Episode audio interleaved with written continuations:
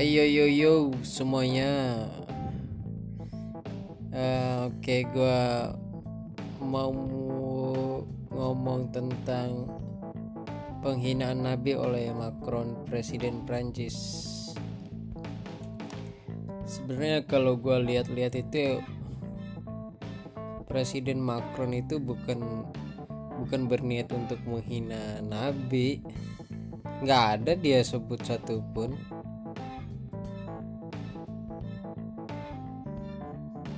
yang dia sebut di pidatonya itu kan negara uh, agama Islam itu menjadi agama yang paling krisis di seluruh dunia disebabkan oleh gerakan terorisme.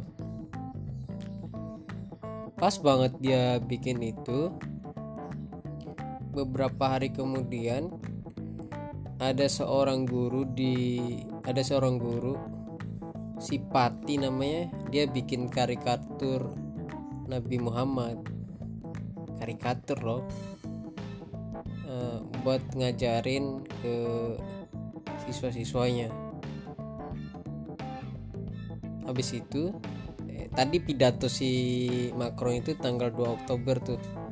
20 Oktober. Uh, setelah itu ada imigran dari imigran Islam Rusia itu umurnya baru 18 tahun. Memenggal kepala si Pate itu si guru itu yang bikin karikatur Nabi. Dipenggal. Terus gua sempat lihat di beritanya emang kepalanya di atas kepalanya cuma kepala doang di atas aspal. Itu ngeri sih kalau kata gua.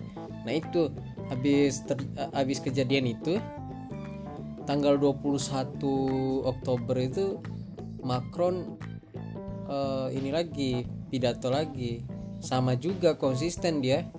Konsisten dalam hal memerangi terorisme bukan memerangi Islamnya. Itu sih yang gue tangkap sebenarnya. Nah cuma salah diartikan uh, oleh orang Indonesia bahwasanya si Macron itu menjunjung tinggi kebebasan ekspresi si Pati untuk mengajarkan siswa-siswanya melalui karikatur Nabi itu.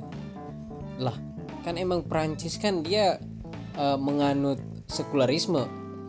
Dia kan punya ajaran laicite laicite itu uh, liberté égalité fraternité. Liberté untuk kebebasan egalite untuk kesetaraan fraternite untuk persaudaraan. Ya kalau di compare sama Pancasila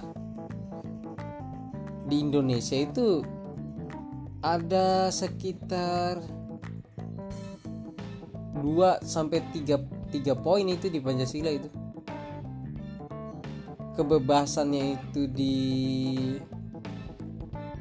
di ini di poin demokrasi kerakyatan ini dipimpin kesetaraannya itu di egalitenya itu di posisi kemanusiaan yang adil dan beradab karena emang di mereka itu punya sejarah kelam tentang uh, penindasan raja dan gereja. Terakhir fraternite persaudaraan. Nah itu persaudaraan itu yang uh, ditekankan oleh Pak Jokowi juga di di itu di Pancasila gotong royong. Atau di ini sama di di kemanusiaan juga jatuhnya dia. Kalau kita udah ngerasain uh, laicite itu atau dua poin dalam Pancasila itu paling nggak kita akan dapat yang namanya keadilan nantinya. Itu Nah, kalau untuk seruan, uh, kalau untuk marah-marah sih nggak apa-apa sebenarnya marah-marah ke uh, presiden Prancis nggak masalah.